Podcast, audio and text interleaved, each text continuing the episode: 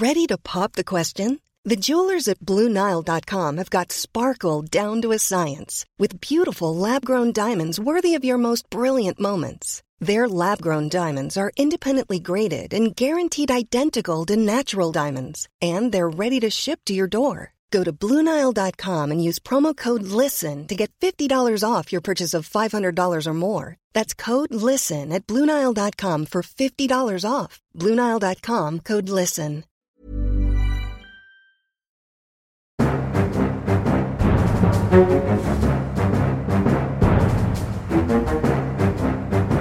Ok. ok, da kjører vi på med en ny episode. Aftenpodden USA. Christina Pletten sitter med tommelen opp i Oslo og er klar for nye 40 minutter med USA. God dag, god dag. Hei, hei. Eh, Vi har akkurat Hei, hei. kommet oss gjennom blåmandag, Ja, ja. som var i går. Årets verste mandag. Så nå, er, nå er, går vi lysere tider i møte. Veldig mye lysere tider i møte. Jeg er Øystein Langberg, USA-korrespondent. Sitter på Manhattan som vanlig. Eller det vil si, denne uka her så farter jeg opp og ned til FN-hovedkvarteret. For det er jo sånn at denne, dette året er jo Norge da eh, Vi er medlem av Sikkerhetsrådet, egentlig i to år, og nå er vi sånn cirka midtveis i denne perioden. Og det er jo ikke så ofte Norge blir valgt inn i Sikkerhetsrådet. Så det er jo litt sånn ekstra stas for meg som bor her og skal prøve å dekke FN oppi alt det andre. Og nå er jo klimakset. Januar er det store klimakset. Da er Norge ikke bare medlem, men også presidentskap i Sikkerhetsrådet. Eh, Og sitter med klubba og skal holde disse stormaktene i ørene. Russland, Kina, Frankrike, Storbritannia. Som best det lar seg gjøre. USA. Så det er veldig spennende. Det er jo gøy. Og nå er Anniken Huitfeldt her, og etter planen kommer Jonas Gahr Støre også en tur. Eh, Så vi får se om vi kanskje får laget en liten spesialepisode om FN og litt sånt etter hvert. Det hadde vært kult. Eh, Du har jo allerede laget veldig noen saker om dette, blant annet at Norge skal Eller har allerede sendt folk til Afghanistan? Eller er Ja. på vei til å sende for å snakke med Taliban, Ja. blant annet? Ja. Sikkerhetsrådet dealer jo med alt som er av konflikter rundt omkring i hele verden. Og jeg må jo si at jeg har jo ikke oversikt over alle disse konfliktene, så det er jo det utfordrende med å dekke dette. Men jeg skal annet intervjue en, en menneskerettighetsforkjemper fra Myanmar som har flykta til USA uh, rett etter denne podden. Så det er derfor vi bare må fyre igjennom. Så vi får bare komme i gang med, med dagens tema. Joe Bidens første år, som vi vel må kunne si ikke har vært noen braksuksess når vi skal oppsummere. Vi skal snakke litt om hva som gikk galt. Vi skal snakke litt om hva som kunne vært gjort annerledes. Og om hvor mye av dette som er Bidens skyld, og hvor mye som er uflaks, eh, da, i hermetegn. Eh, men vi får først ta eh, siden sist-spalten vår. Mm, Kristina, altså, vi skal snakke om Bidens knalltøffe uke, som egentlig ville fylt hele siden sist til vanlig, så vi hopper over det nå. Eh, og så tenker jeg jo bare å ta med at det har vært en gisselaksjon eh, ved en synagoge i Texas som har fått ganske mye oppmerksomhet. Den pågikk i 10-11 timer. Og rabbineren, og det var vel bare to andre igjen til slutt, de kom seg altså av gårde ved å snike seg mot dørene underveis i denne aksjonen, og så kaste en stol på gisseltakeren, og så løpe ut. Så det var altså til slutt egentlig ikke FBI som fikk de ut, de kom seg ut, uh, ut selv. Så vi får bare se litt detaljene og sånn etter hvert. Uh, det var en britisk statsborger som var denne gisseltakeren. Han ville frigi en eh, kvinne som heter Afia Siddiqui, eh, som er dømt til fengsel for å ha forsøkt å drepe amerikanske soldater i Afghanistan. Så vi får bare følge litt med på akkurat hva som skjer, hva som skjer der. Og så er det jo en gladnyhet fra New York, jeg får ta med det også. Det ser ut til at omikron har nådd toppen. Det vil si, den siste uka har stupt antall smittetilfeller i, i byen her, og i mange andre store byer på østkysten. Og vi ser jo det samme i andre land, eh, Storbritannia også. Kjempepositiv utvikling. Så vi håper jo og tror at dette er starten på slutten på omikron i USA. Ja. Og så har to eh, amerikanske flyselskaper advart om at fly kan komme til å falle ut av himmelen når de slår på 5G-nettet denne uken. Eller det var kanskje å overdrive litt, da, men eh, de er i hvert fall veldig bekymret for at eh, 5G-nettet kan forstyrre disse her eh, instrumentene de bruker. Så på onsdag så skrus det på av to av de største teleselskapene, og det kan bli eh, veldig spennende å følge med på. Det. Og sikkert mye mat for konspiratorikerne som eh, tror at de alle går rundt med sånn 5G-chipper i kroppen og sånn.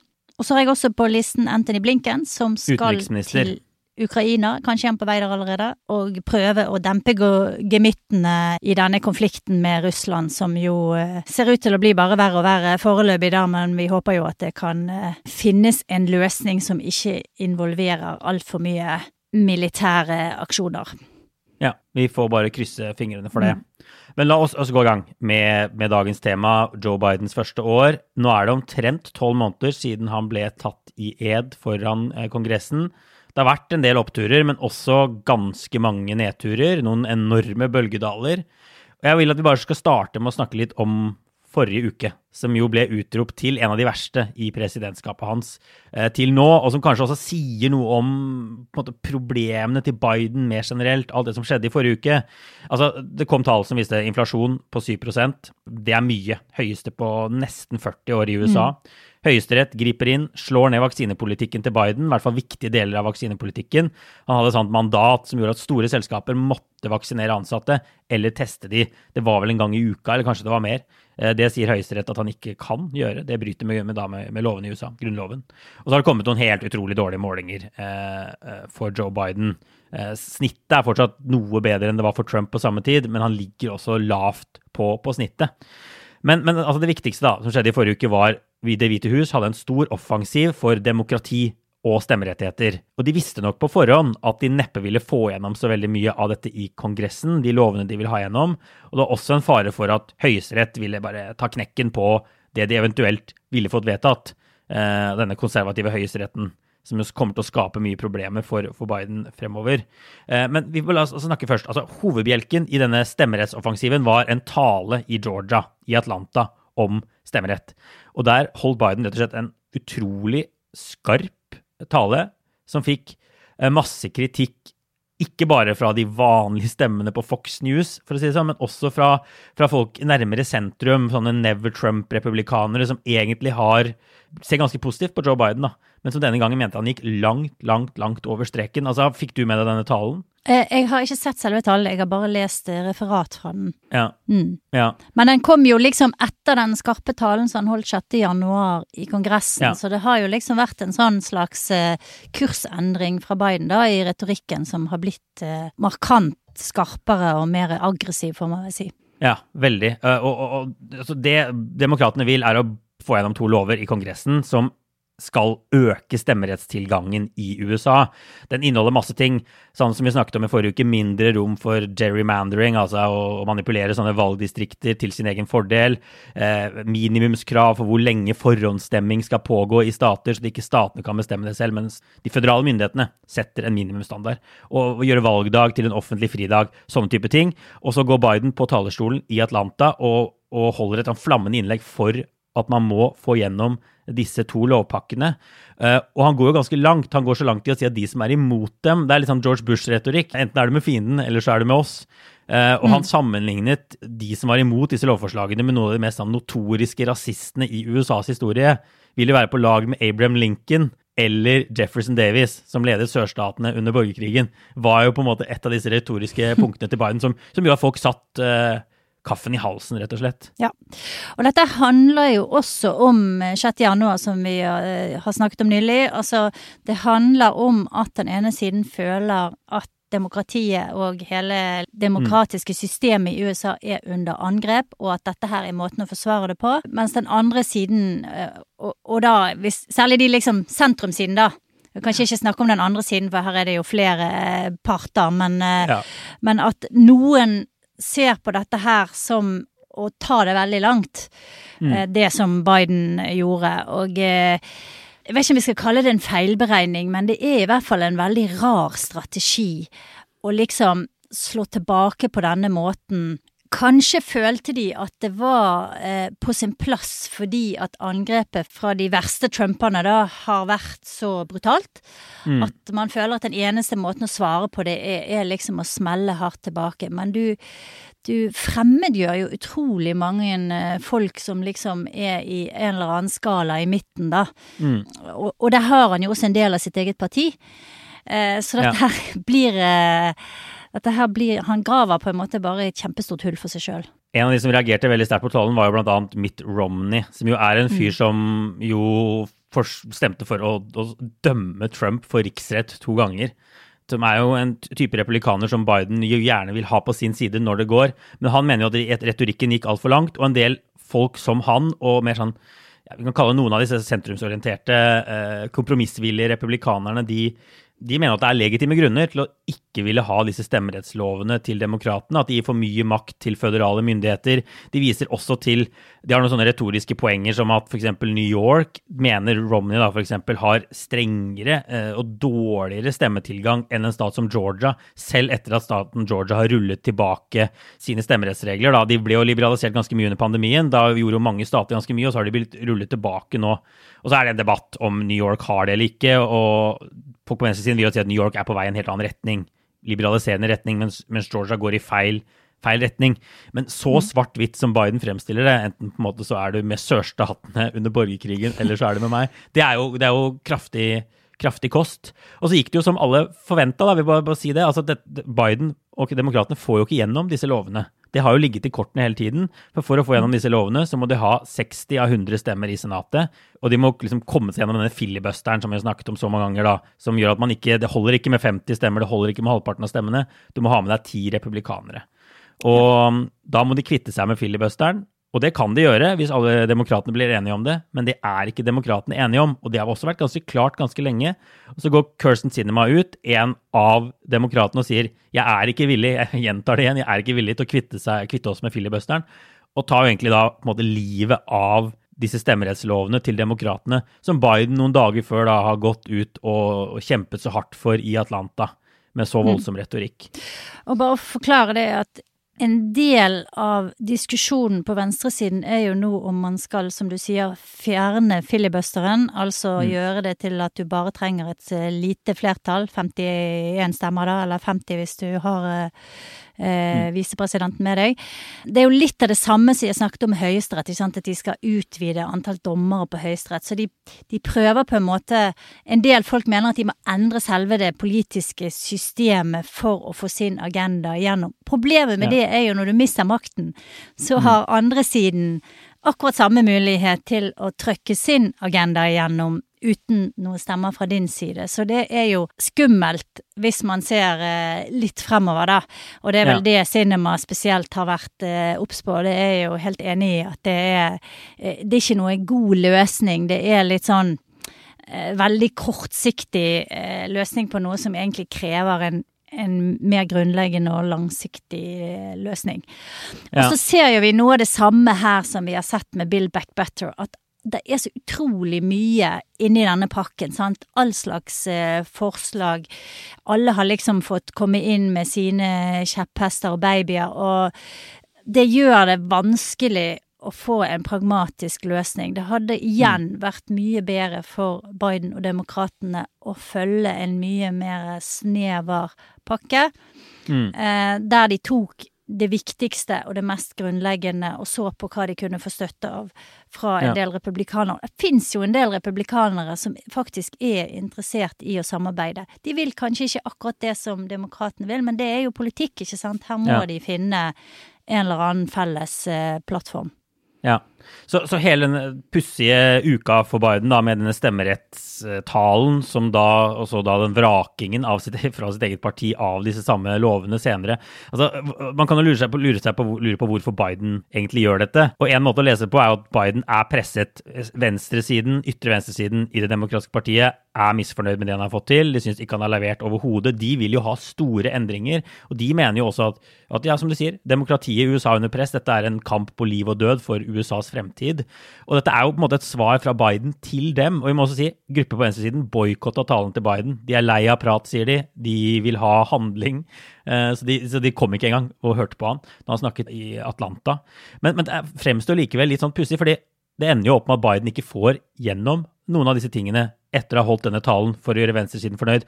Så venstresiden er helt sikkert ikke happy med det som har skjedd det man jo ender opp med å gjøre, er jo da å gjøre folk som Mitt Romney og kanskje mer sånn høyreorienterte demokrater misfornøyde. De synes Biden går for langt, han samler ikke landet sånn han lovet, og de er ikke fornøyd. Venstresiden er ikke fornøyd.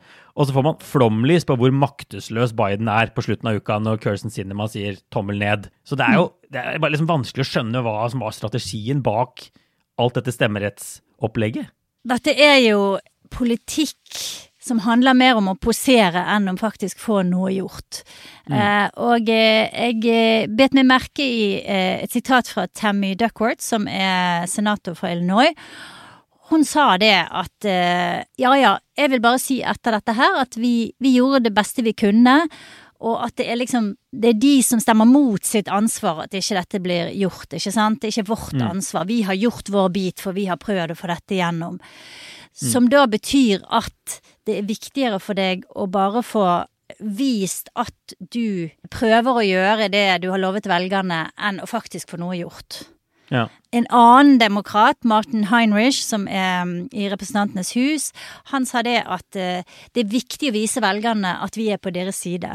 Altså de som, de som eh, liksom er eh, velgere som får sine rettigheter truet, da. Det er viktig for mm. oss å vise at vi er på deres side. Så igjen, det er viktigere å liksom posere enn å faktisk få noe gjort. Og dette her handler jo også om eh, en aktivistdrevet politikk som mm. er blitt liksom mer og mer markant i både eh, amerikansk politikk, men også til dels her i Europa, der aktivistgrupper presser og pusher frem sine agendaer, og så blir politikk, politikerne på en måte bundet litt på hender og føtter, da, og det å inngå kompromiss er det samme som å være en sviker, på sett og vis. Ja, altså, Kaldere hoder da, og strateger og sånn, og særlig de som da tilhører sentrum og ikke aktivistgruppene, de mener jo at, at dette er en avsporing å snakke så mye om stemmerett, fordi velgerne er for det første ikke opptatt av det heller. altså Man får ikke noe gjennom, det er posering. Eh, eh, velgerne er opptatt av pandemi, eh, omikron, inflasjon. Det fremstår som off å bruke en hel uke på, på stemmerett. De viser til forskning som viser at det å utvide poststemmer eh, eller stramme inn, da, f.eks., eller si at man må ha ID for å gå og stemme, når man strammer inn disse reglene, så har det ikke så utrolig mye å si for valgresultatet. Demokratene kan fortsatt vinne, altså delstater det i, presidentvalget i 2020 som, som, gjorde det mye lettere å stemme med post. Det var ikke sånn at demokratene gikk kraftig frem der, bedre enn andre steder. I hvert fall Forskning viser i hvert fall at det er ikke en sånn enorme utslag, da, mener disse ekspertene. Så de mener at demokratene har fokus på helt feil ting. Velgerne bryr seg ikke. Mm. Eh, og det betyr ikke så mye til syvende og sist. Eh, men det er aktivistgrupper som er veldig, veldig, veldig, veldig opptatt av det. Og så mener jo noen at slaget egentlig står et helt annet sted om, eh, om stemmerett. Demokratene fikk jo tross alt sju millioner flere stemmer enn republikanerne og Trump i presidentvalget. Det var ikke der det var noe galt. Det var noe galt i opptellingen, systemene etterpå. Håp om at visepresident Mike Pence kunne gripe inn og bare si dette var ikke valgresultatet, jeg har mine egne sertifikater. Så noen vil jo ha fokus på det som skjedde på en måte etter valget, opptellingsprosessen. Og der virker det som det til og med er rom for å få med en del republikanere på å bare rydde litt opp ja. i en sånn lov som heter Electoral Count Act. Så man kan også lure på hvorfor demokraten ikke har fokusert mer på det. Ja, altså der er det jo Ja, altså der er jo et forslag eh, som i hvert fall ligger og vaker eh, i Kongressen, som man eh, kanskje mer plausibelt kunne fått gjennom, da, som handler om akkurat mm. det der. Hvordan teller du opp stemmene etter at de er gitt? Og hvordan sikrer man eh, at ikke det skjer igjen som skjedde i 2020? ikke sant? At det er noen som ikke vil godta resultatet, hevder at eh, valget var stjålet, bla, bla, bla. Ja. Det sier demokratene at eh, det er ikke godt nok. Ikke sant? Mm. Hvis man skal gå for en sånn smal løsning, så svikter man på en måte alle de som er opptatt av det som skjer under valget. Ja. Så eh, igjen så står jo Biden i den der skvisen da, mellom eh, hva som er praktisk og, og, hva som er på en måte ideologisk eh, riktig. Ja. When you're ready to pop the question, the last thing you want to do is second guess the ring. At Bluenile.com, you can design a one of a kind ring with the ease and convenience of shopping online. Choose your diamond and setting. When you find the one, you'll get it delivered right to your door. Go to Bluenile.com and use promo code LISTEN to get $50 off your purchase of $500 or more. That's code LISTEN at Bluenile.com for $50 off your purchase. Bluenile.com code LISTEN. Vi kan snakke litt mer om presidentskapet til Biden mer generelt. Dette er ikke en pod bare om stemmerett. Og, og, skvis, eller spagat kan vi til og med kalle det, er jo noe som mm. oppsummerer Bidens første år, og en spagat han kanskje ikke har stått så veldig godt i eh, hele veien. Altså, på en måte, Venstresiden er supermisfornøyde. Også en god del uavhengige velgere, som ga han jo tross alt valgseieren eh, i 2020, er også ganske misfornøyde med det han har gjort. Eh, men, men altså, la oss bare liksom spole et år tilbake. Altså, Biden kom egentlig ganske godt i gang. Vi har jo en etter hvert famøs pod hvor vi sier at vi tok skikkelig feil om Biden. Han, eh, han, kom jo egentlig ut av startblokkene med et brak. Han fikk gjennom den enorme koronaredningspakken, som reduserte f.eks. barnefattigdommen kraftig, i hvert fall midlertidig. Og min liksom, lesing av det hele er jo at dette bidro til å øke forventningene noe helt enormt for hva Bidens presidentskap skulle være. Uh, og det skjedde jo egentlig etter at demokratene vant disse to senatsetene i Georgia i januar eh, 2021, blir vel det, da, like etter presidentvalget, som gjorde at de fikk flertall i Senatet, knappest mulig riktignok, men flertall i Senatet, og muligheten da til å gjennomføre mye mer politikk enn det så ut som da Biden ble valgt i, i november. Han fikk gjennom en redningspakken, som sagt. Fallhøyden ble enorm, og vi så sammenligninger med sånn Lyndon B. Johnson, store demokratiske helter av noen presidenter. Franklin Delano Roosevelt ble han sammenlignet med. Nå skulle det på en måte transformere USA med dette nye demokratiske flertallet. Eh, og det er kanskje noe av problemet, noe av det som har hengt igjen gjennom hele det året. At forventningene var rett og slett altfor høye fra f.eks. ytre venstresiden på hva som skulle være mulig. Eh, og Biden lot seg kanskje selv litt rive med også, eller hva tenker du? Altså For min egen del så tenker jeg Jeg hadde ikke så veldig høye forventninger til Biden. Jeg eh, var egentlig ganske skeptisk, fordi at jeg ja. syns ikke han eh, gjennom valgkampen presenterte noe god eller tydelig plan eller budskap i det hele tatt. Nei. Så jeg tenker jo fortsatt at for meg, fra mitt perspektiv, så har han fortsatt på en måte gjort det bedre enn det jeg hadde forventet, hvis du liksom ja. hadde spolt halvannet år tilbake, da.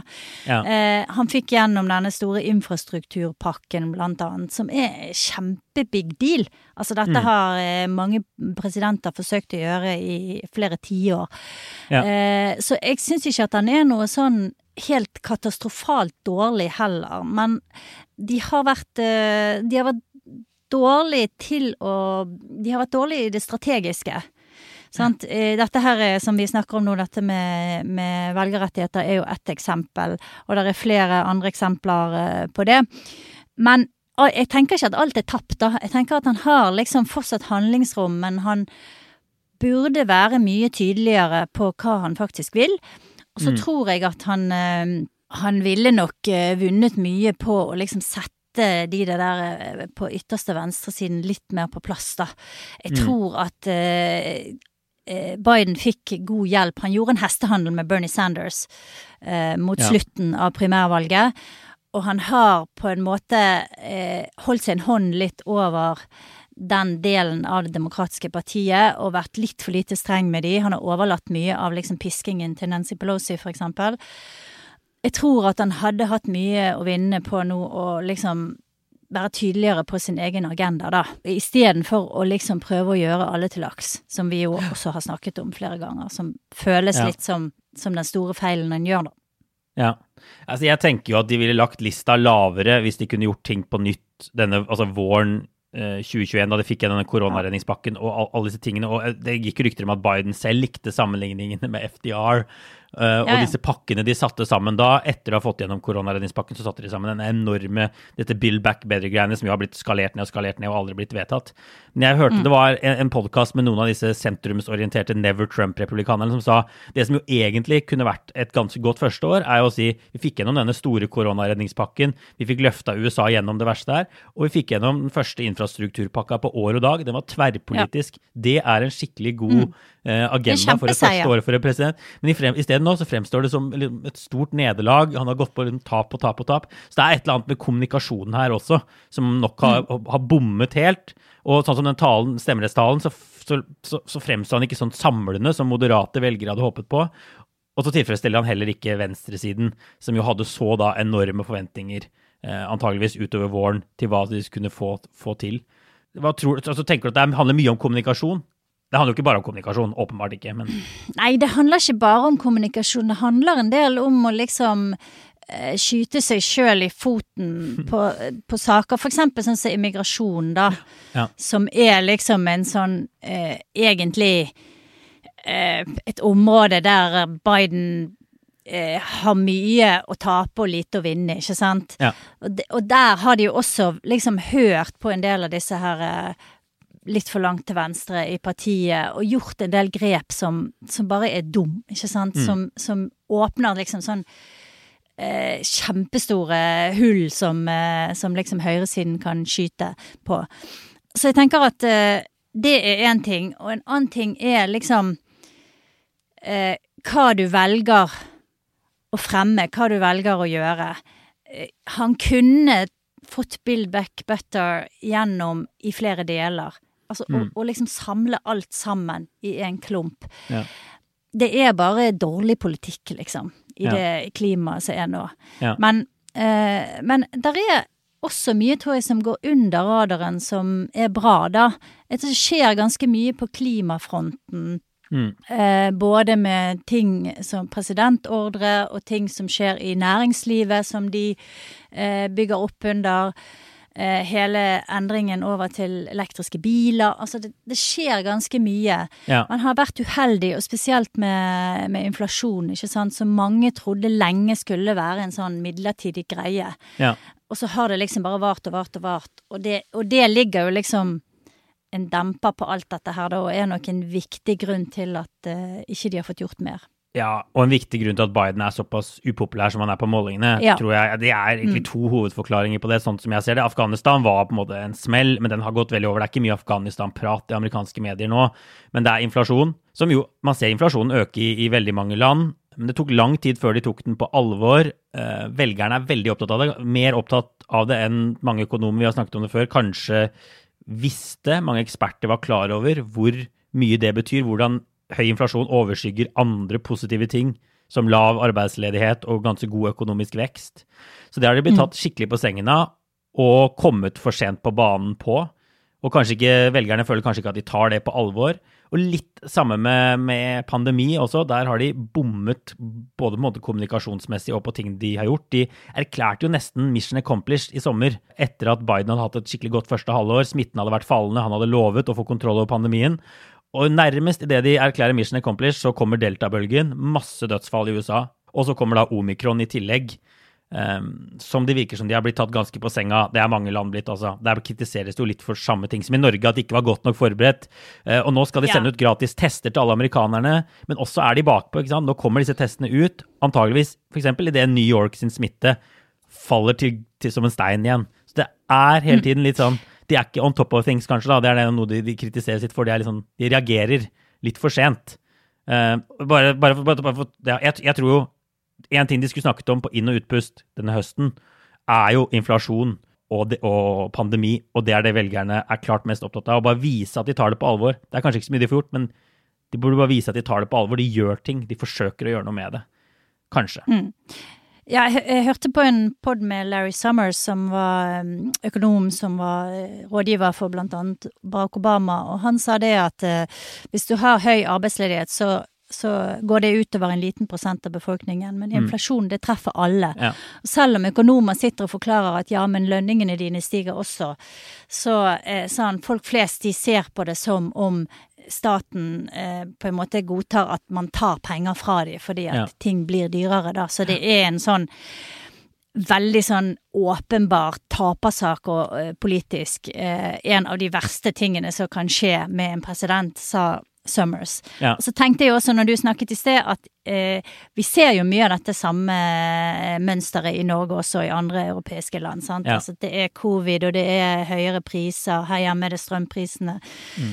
Som er eh, sånne ting som treffer alle, og er vanskelig politisk å løse for, for nesten alle stats... eh, alle re regjeringer, da. Ja, vanskelig å gjøre nok, men eh, man, burde, man må i hvert fall vise at man tar det på alvor. Uh, kanskje man skulle gjort noe som ligner på det Trump gjorde med disse pressekonferansene hver dag. Et eller annet som viser at dette er det vi bryr oss om. Og der igjen, stemmerettigheter er kanskje ikke det velgerne er mest opptatt av, i hvert fall ikke velgere flest. Så derfor er det kanskje litt sånn off å snakke om det en hel uke, eller, eller Build Back Better òg. eller infrastruktur. Alt dette har blitt litt overskygget av det folk er mest opptatt av.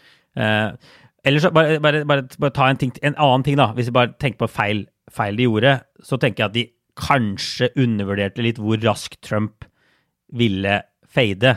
Og også 6. januar-angrepet, hvor fort velgerne ikke ville være så opptatt av det lenger. De klarer på en måte ikke å mobilisere ordentlig ved å skremme med Trump lenger. Trump er der.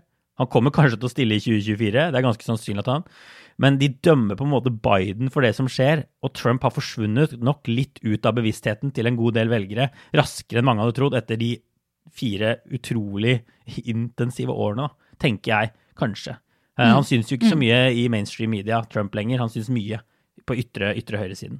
Og det er jo problematisk for demokratene, for det, det var jo det de brukte til å mobilisere i alle disse årene med Trump, var jo presidenten. Og kanskje det er sånn at uh, han også er mer til stede på ytre venstre. Altså at uh, Jeg tror at liksom ytre venstre også lever litt i en sånn boble à la det trumperne gjør. Der de kanskje er veldig opptatt av uh, sånn som stemmerettigheter og en del sånn her woke-tema som, som kanskje ikke resten av amerikanerne er, så opptatt av. I hvert fall ikke setter sånn som høyeste prioritet, da. Mm. Så, så fra deres utsiktspunkt så ser nok også prioriteringene litt annerledes ut enn de gjør for, for folk flest, tror jeg. Men ja, vi får etter hvert sette strek, da. Men det er jo viktig det poenget du hadde med hva har Biden faktisk fått gjort, da. Altså, vi har nevnt, vi har nevnt koronaredningspakken her. Den gjorde mye for fattigdom, men den vil jo da etter hvert forsvinne. Nå har denne økte barnetrygden er i ferd med å gå ut nå, f.eks. Infrastrukturpakken. Åpenbart eh, noe nesten ingen av, eller flere av forgjengerne har fått til. Ingen fikk det til. Biden klarte det. Tverrpolitisk. Og så har de jo Parisavtalen og en ny internasjonal linje. da? Skuldrene er jo lavere f.eks. i Nato og disse stedene enn de var med, med Trump som, som, president, til tross for Afghanistan og det kaoset som den uttrekkingen, uttrekkingen var. Og så har de jo masse makt over byråkratiet når Biden sitter, Biden sitter inne. Jeg skrev en sak om havvindturbiner før uh, jul. Og USA har jo sju havvindturbiner. Europa har sånn 5400, som er jo helt utrolig stor forskjell.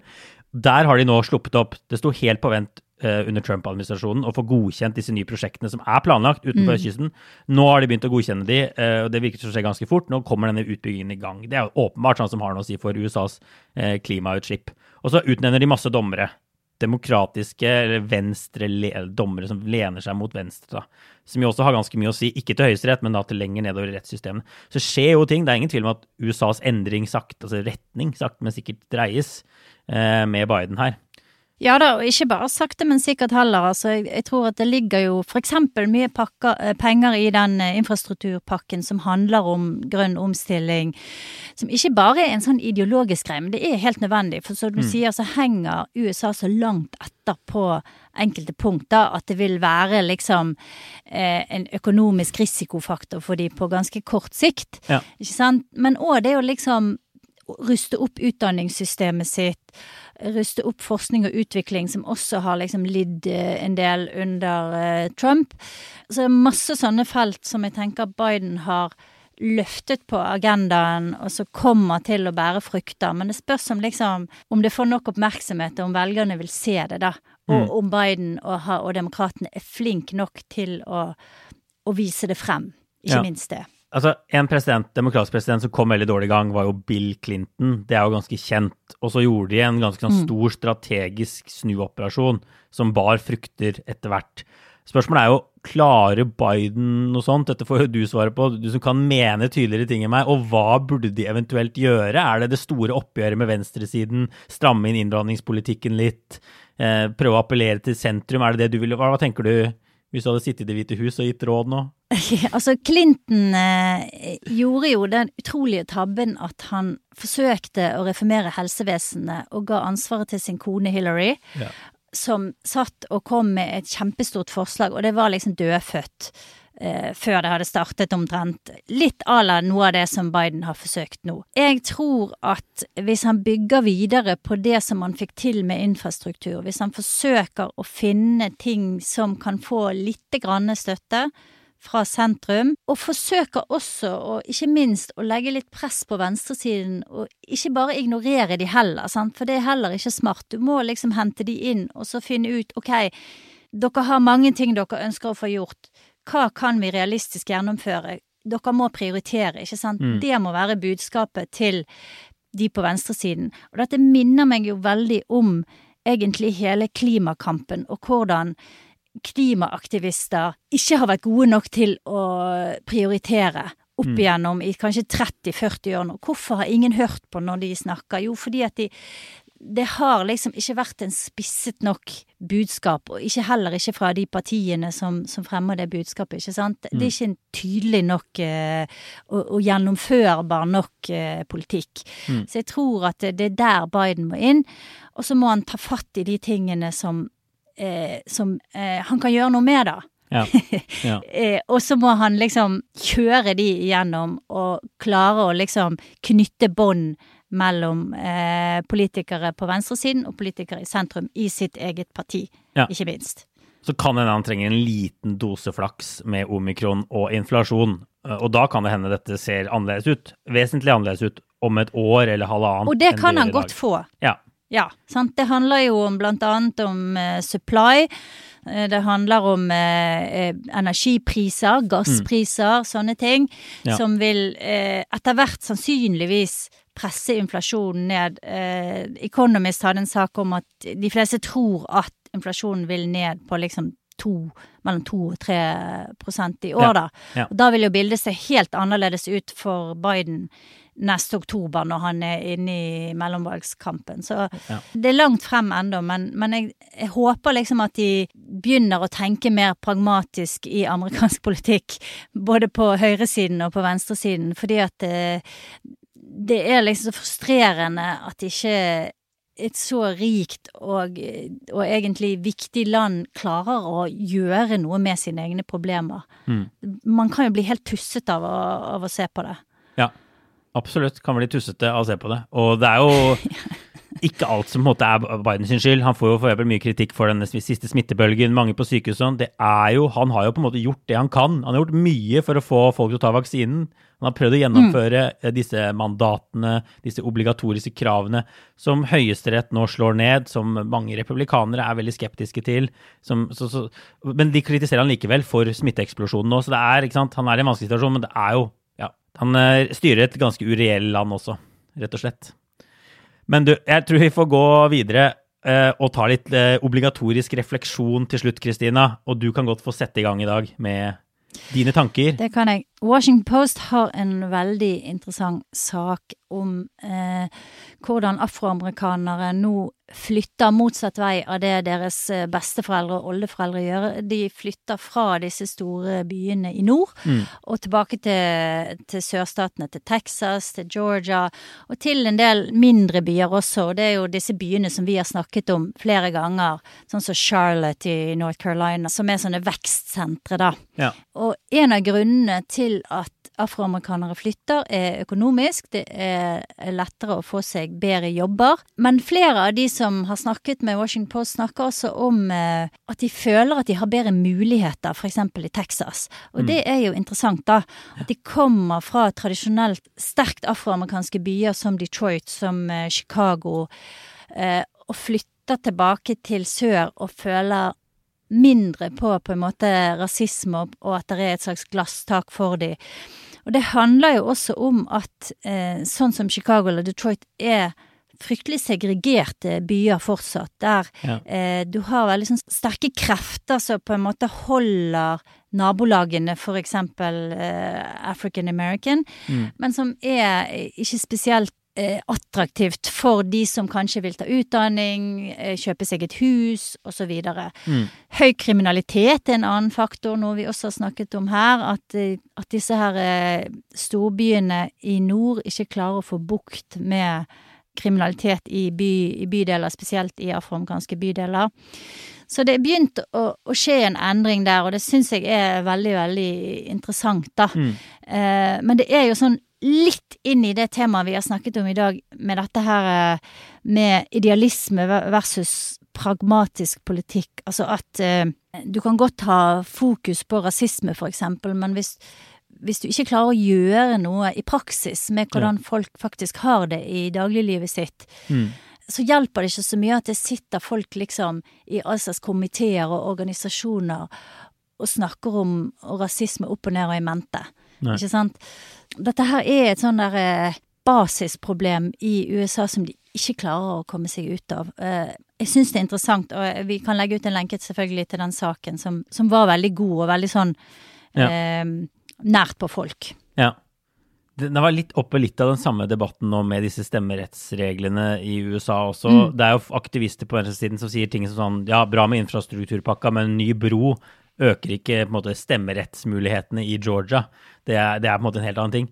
Men da får du på en måte til svar at eh, det er jo nettopp de nye broene kanskje som gjør at demokratene f.eks. beholder makten lokalt og i ulike deler av Så kanskje det egentlig er sånn at det, det har veldig mye å si hvem som er lokalpolitiker rundt omkring, hvem som er ordførere. Så, så, så svaret tilbake er jo jo. Altså kanskje, kanskje, det nettopp er disse tingene Biden må prioritere for å gjøre noe med disse reglene på et annet nivå. da. Kanskje det er mer riktig fokus enn I hvert fall på disse stemmerettstingene som de da ikke får igjennom uansett.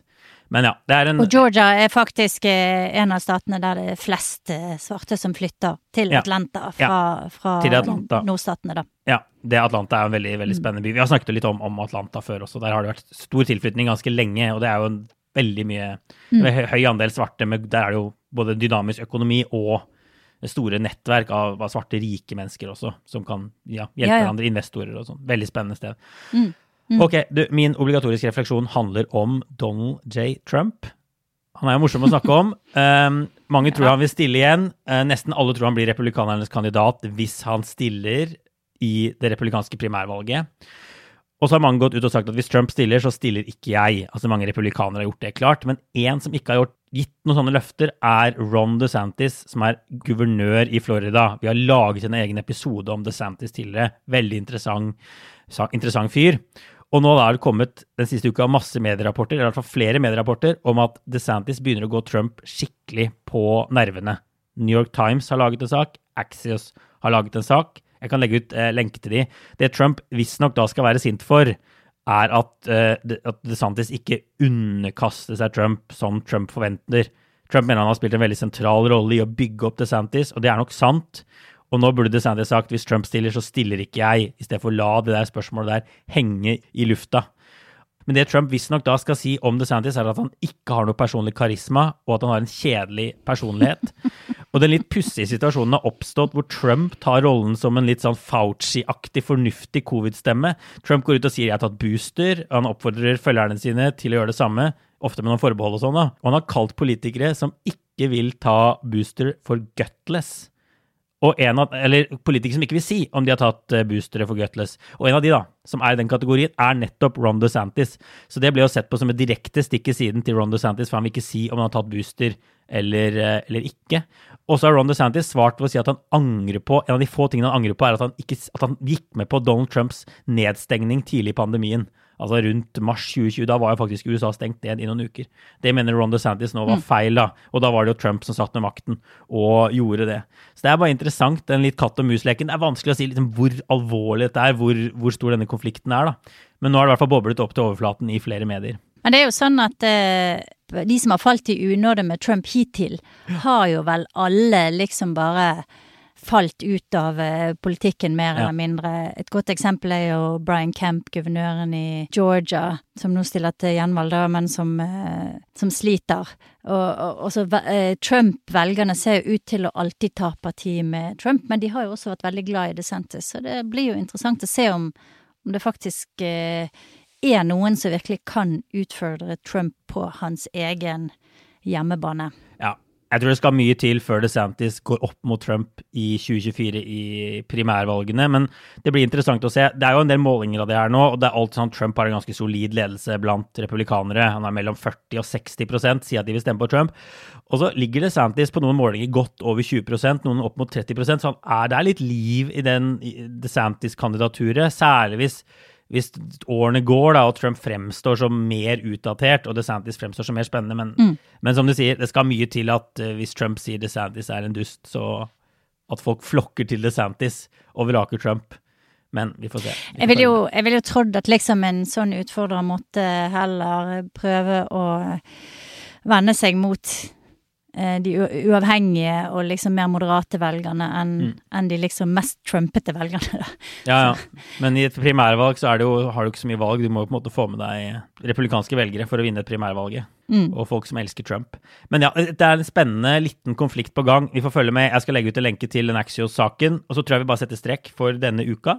Og så er vi tilbake neste uke med en ny episode. Og inntil da får alle ha det, ha det bra.